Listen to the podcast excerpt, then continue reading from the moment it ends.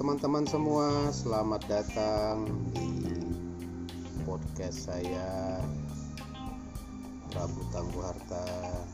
Jadi pada kesempatan hari ini saya akan membawakan suatu materi yang dianggap sangat penting bagi teman-teman semuanya. So, mungkin kalau ada pertanyaan silakan langsung aja ditanyakan jika belum mengerti nanti kita bahas bersama-sama.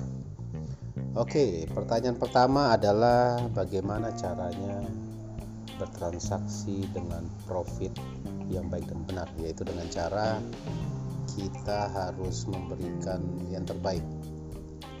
Gunakan stop loss money management diatur. Jangan takut untuk mengcut loss ketika kita OP arahnya tidak sesuai dengan open position kita. Jadi batasi kerugian karena yang namanya market kita tidak tahu kapan dia bergerak dan berapa banyak kekuatan equity kita untuk menahan per, uh, menahan pergerakan berbalik arahnya. Nah itu sangat penting untuk dilakukan